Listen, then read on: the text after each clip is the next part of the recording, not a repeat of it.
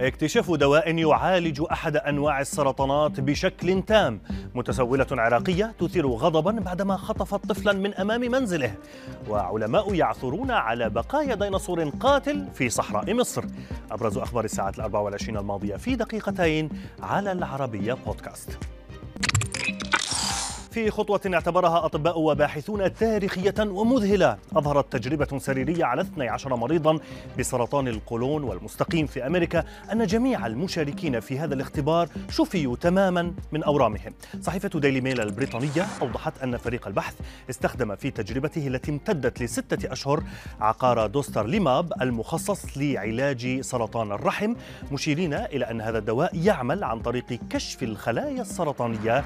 ما يسمح لجهاز المناعة المناعة بالتعرف عليها وتدميرها فيما يخطط الفريق الآن لمعرفة فاعلية العقار في القضاء على السرطانات الأخرى.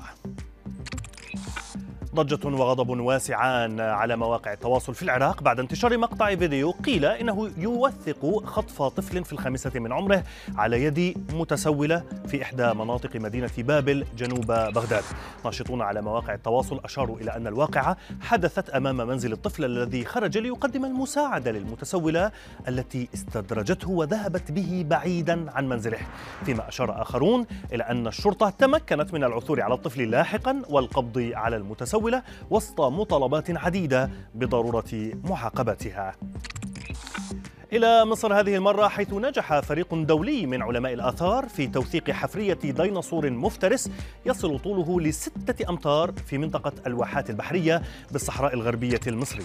الفريق البحثي أوضح أن هذا الديناصور عاش منذ نحو 98 مليون سنة مضت وينتمي لعائلة ديناصورات أبيل نسبة إلى اسم مكتشف حفريات العائلة الأول وهو العالم الأرجنتيني روبرتو أبيل. فيما أشار العلماء إلى أن نوعية الديناصور المكتشف تتميز بشكلها المرعب وجمجمتها المخيفة وتخرج من فكيها أسنان حادة أشبه بأنصال السكاكين. لا زالت قضية انفصال شاكيرا وبيكيه تشغل السوشيال ميديا الجديد. هذه المرة أن صحيفة إسبانية كشفت أن المغنية الكولومبية الشهيرة حاولت العودة إلى شريكها مرتين لكنه رفض.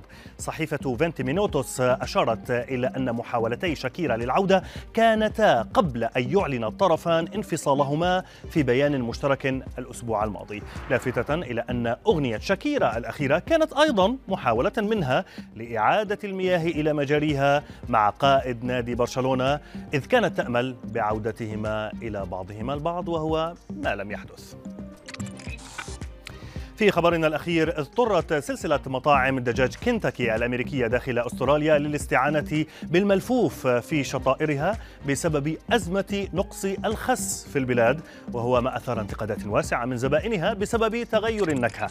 السلسلة الشهيرة أوضحت في بيان لها أن مطاعمها بدأت تستخدم مزيجا من الخس والملفوف في البرجر ومنتجات أخرى حتى إشعار آخر بعد أن دمرت الفيضانات محاصيل الخس في أستراليا.